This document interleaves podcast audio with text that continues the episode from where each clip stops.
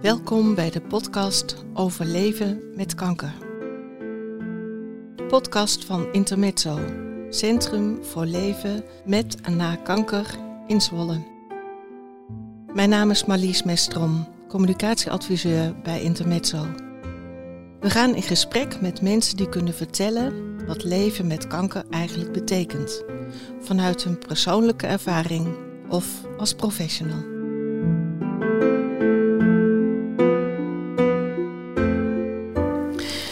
Onze gast vandaag is Heidi Dominee.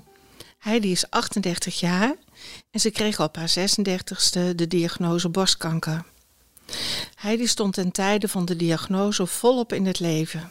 Een fijne baan, echtgenoot Johan, die binnen zijn nieuwe baan weer aan de studie was, moeder van twee kinderen van toen vijf en zeven jaar en ineens, bam, de diagnose borstkanker.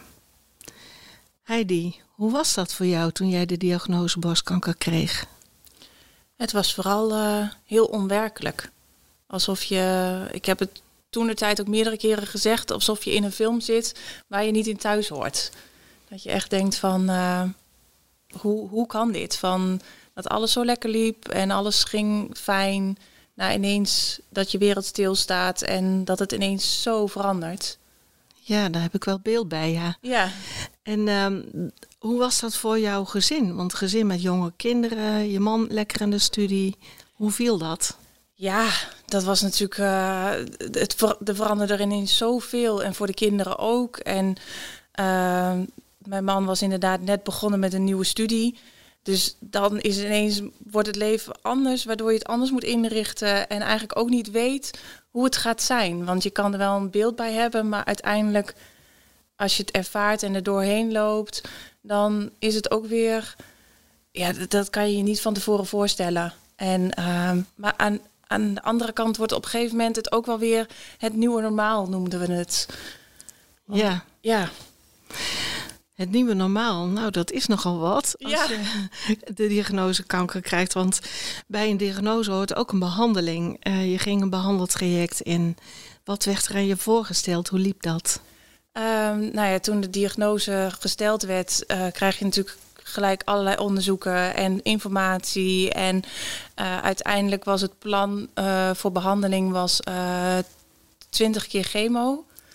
Eh, eh, daarna operatie, eh, borstbesparend en daarna bestralingen. Zo, het hele pakketje eigenlijk. Ja, het hele pretpakket noemden we toen, Oh. maar ja. Ja. En hoe zijn die chemokuren verlopen voor jou?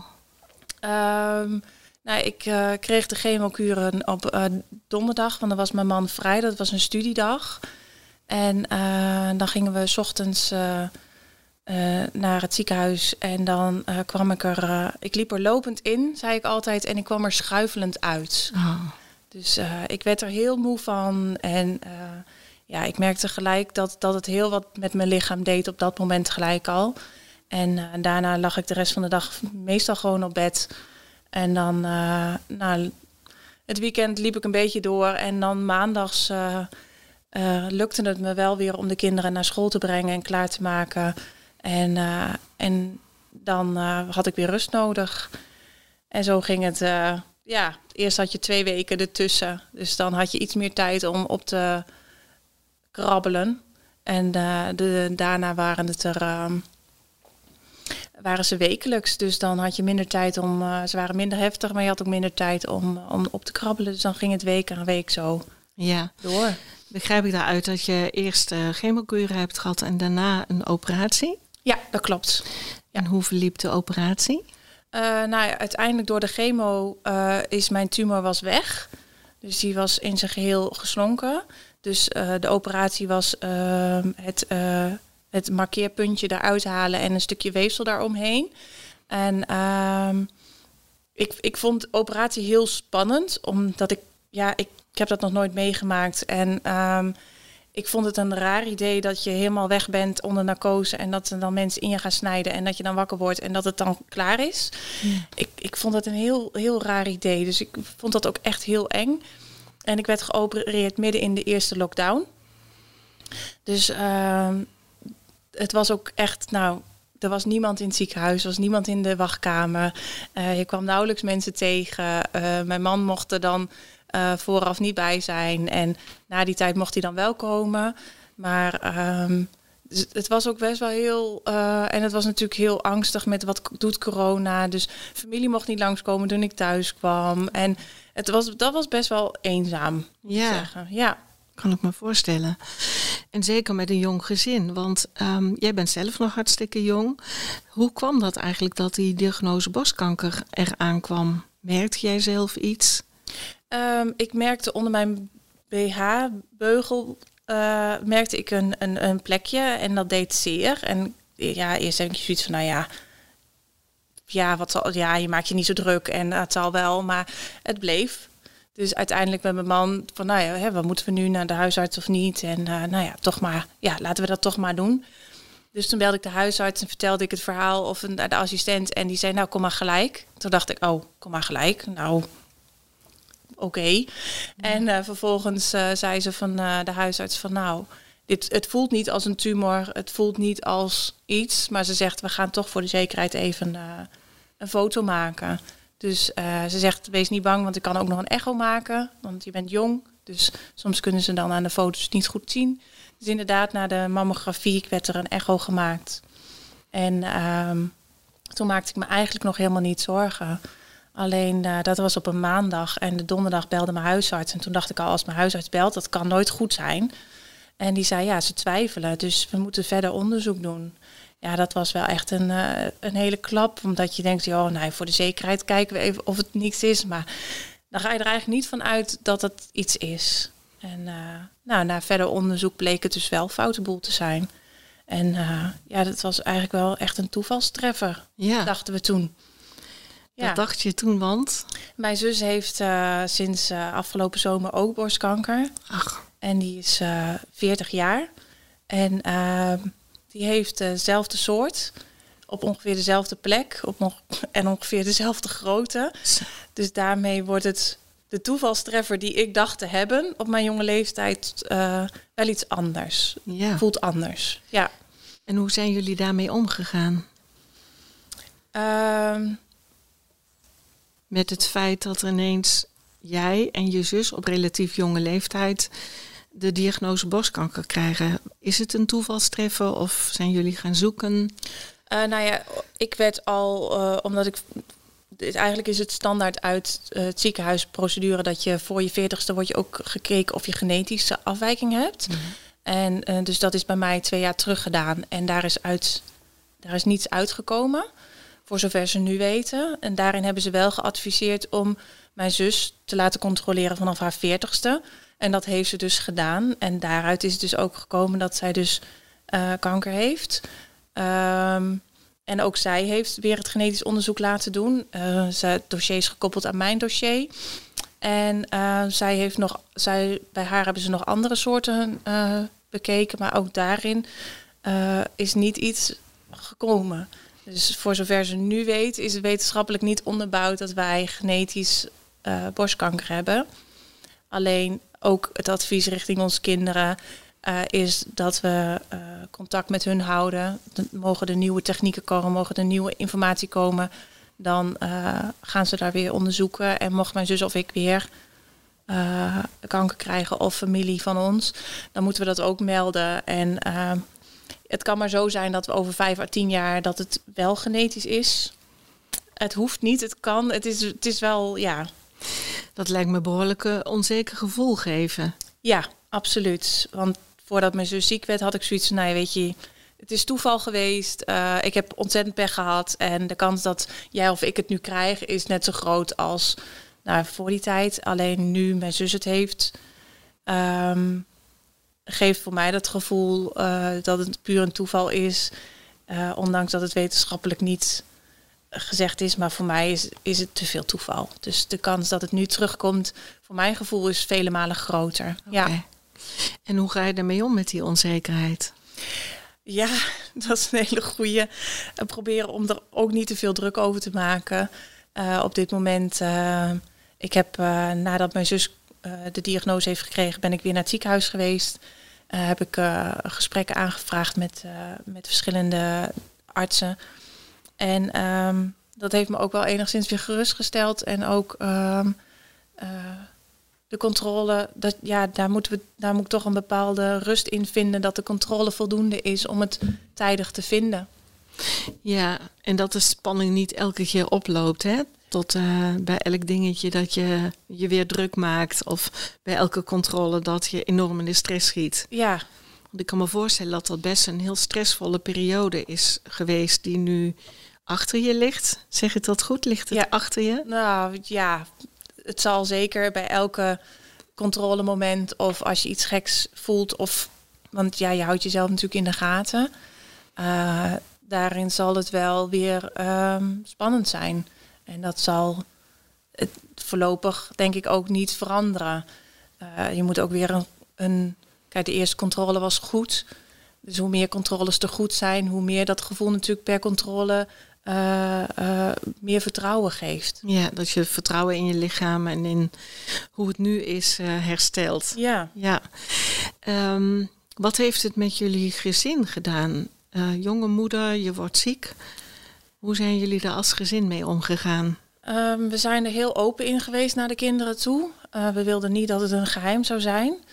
Ehm, omdat ja, je gaat door zoveel heen en ze merken toch wel of je, hoe je je voelt. En ehm, dus we zijn er gelijk na de diagnose heel open over geweest wat er aan de hand is. En ze zijn ook een keer mee geweest naar een chemobehandeling om te zien wat dat is.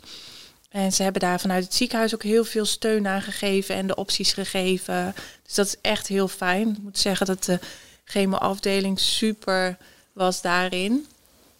En, ehm, en dat gaf het ook een beeld van, aan de kinderen van, joh, dit is het. Het is niet meer, het is niet minder eh, zoals ik het in mijn hoofd maak, maar dit is het. Voor hen was het natuurlijk heel moeilijk om te zien, s ochtends als ze naar school gingen, was ik nog redelijk goed. En als ze terugkwamen uit school, was ik natuurlijk hartstikke ziek.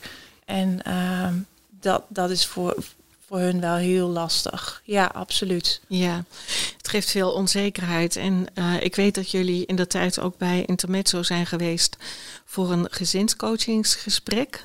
Een Ja. eenmalig gesprek dat we bij Intermezzo aanbieden voor gezinnen met kinderen.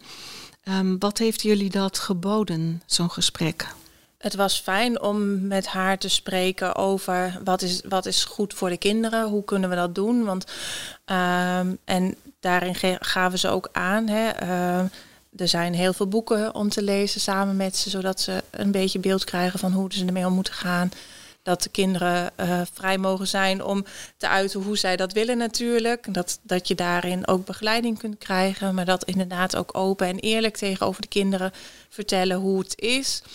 Eh, dat dat ook heel belangrijk is. En inderdaad dat je eh, ze ook mee moet nemen in het proces. Zij, horen, zij maken het ook mee. Zij horen ook mee in het proces te gaan. Ja, Dus dat was heel fijn om ook een stukje bevestiging te krijgen dat, het, dat alles wat je doet goed is.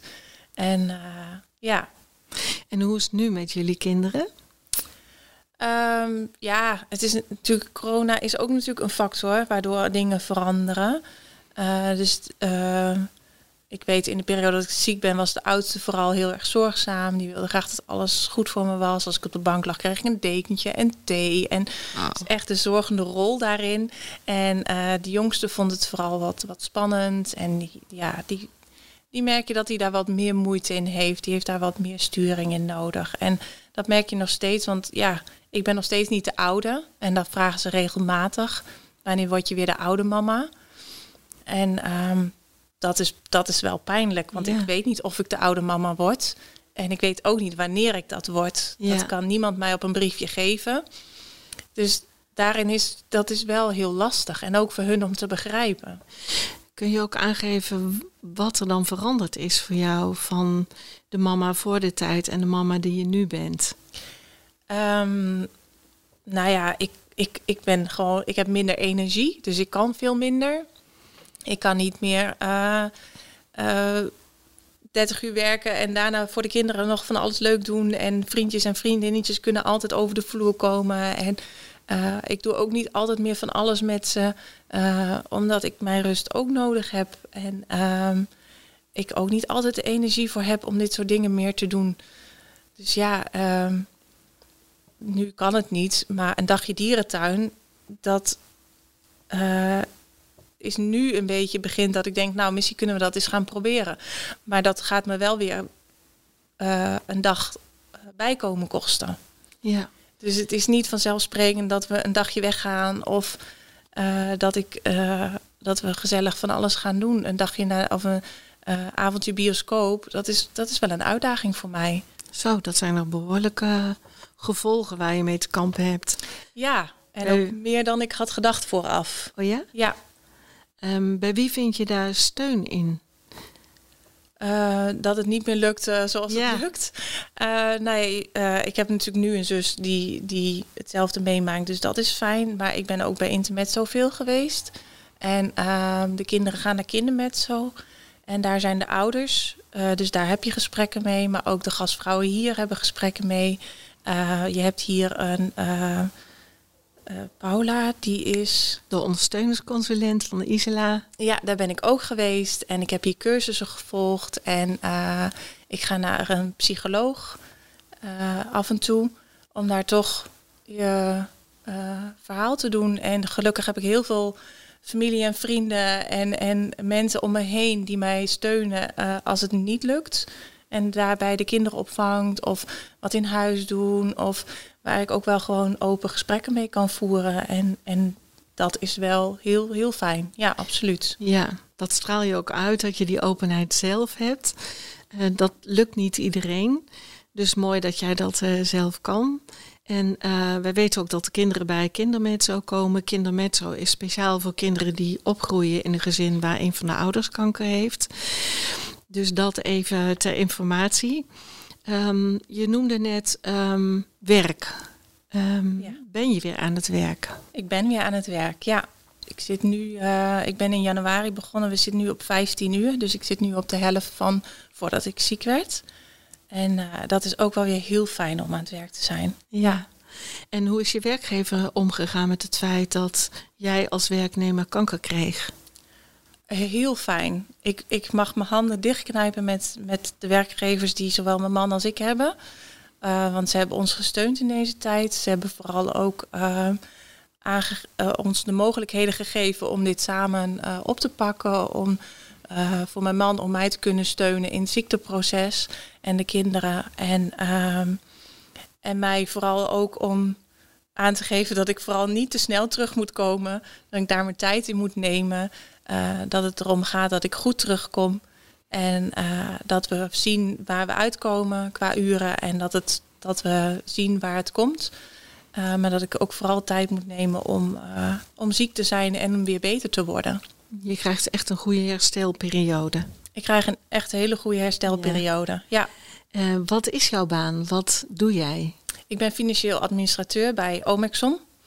En uh, daar doe ik dus de boekhouding en projectadministratie en ondersteuning. Ja. ja. Um, jouw goede werkgever heeft ook Intermezzo goed bedeeld. Um, ja. Het is heel mooi dat wij deze podcastapparatuur, waar we nu samen achter de microfoon zitten, dat we die cadeau gekregen hebben. Dus uh, hartelijk dank ook daarvoor, want je hebt daar een mooie bemiddelende rol in uh, gespeeld. Dus daar zijn we heel blij mee.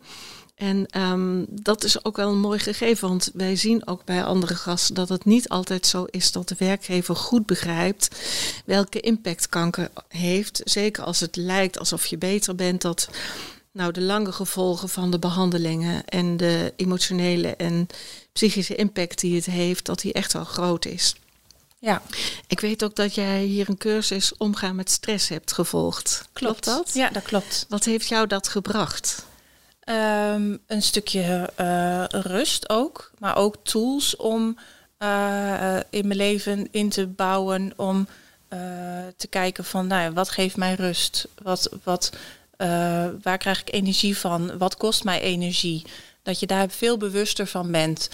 Um, want als jij gewoon gezond bent en je hebt nergens last van, dan doe je de dingen omdat je het leuk vindt en omdat het kan. En nu moet ik heel erg selectief zijn met van oké, okay, als ik dit ga doen, uh, wat kost dat mij? Uh, wat levert het mij op qua energie? Uh, hoe leuk vind ik het? Uh, en dat, dat, die afweging maak ik om ja of nee te zeggen. Om het te gaan doen of niet te gaan doen. Ja, Dus daar ben je heel bewust mee bezig, hoor ik. Ja, maar dat moet ook, omdat ik. ehm, omdat mijn lichaam soms gewoon zegt van ja, jij kunt dit allemaal leuk vinden en je wilt dit misschien wel, maar ik ga dit niet doen of ik kan dit niet. En als je elke keer tegen die muur aanloopt, wat ik in het begin heel erg gedaan heb, omdat je gewoon heel graag weer naar alle behandelingen ehm, terug wil naar waar je was. En dat was ook mijn idee voordat ik begon. Ik werd ziek, oké, die behandelingen ga ik doen en dan ga ik weer terug naar waar ik, waar ik was. En dat lukte niet. En eh, als je jezelf zo vaak tegenkomt dat iets niet lukt, dan moet je een weg gaan zien te vinden wat wel lukt. En dan moet je ook nee leren zeggen. En moet je bewuster zijn met oké, dit zegt mijn lichaam, dit kan ik. Dus dan moet ik dat ook maar gaan doen. Ja, dus je, ik hoor je zeggen dat je goed naar je lichaam luistert, beter dan voorheen of beter dan je had gedacht. Ja, En je zult wel moeten. Ik, ik moet. Ja, in het Ja. begin was het ook na de behandeling. Oké, nu hebben we behandelingen gehad. En dan moet je goed naar je lichaam luisteren voor je opbouw. En toen dacht ik, ja, en hoe doe ik dat nou?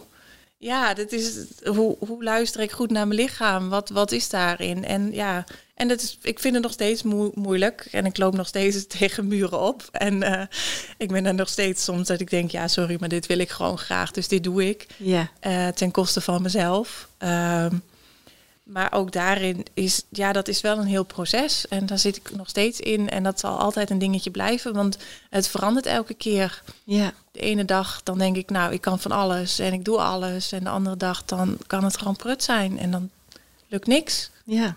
Lijkt me voor je partner ook best ingewikkeld. Ehm, hoe gaat hij daarmee om? Uh, nou, hij is mijn steun en toeverlaat wat dat betreft. Uh, hij maakt zich daar ook niet zo heel druk over. En kan dat ook wat makkelijker loslaten dan dat ik dat kan, moet ik zeggen. Ik ben daarin strenger voor mezelf, dat ik graag dingen gewoon wil. En hij heeft dan zoiets van, joh, dit gaat niet, dus dat ga je niet doen. Klaar. Nou, dat is heel ferm en heel Ja, duidelijk. Hè? ja. Dat geeft je dan inderdaad eh, wel goed richting om er rekening mee te houden. Ja, ja. Jullie zijn een jong gezin. Ehm, hoe kijken jullie samen naar de toekomst? Kun je daar iets over zeggen?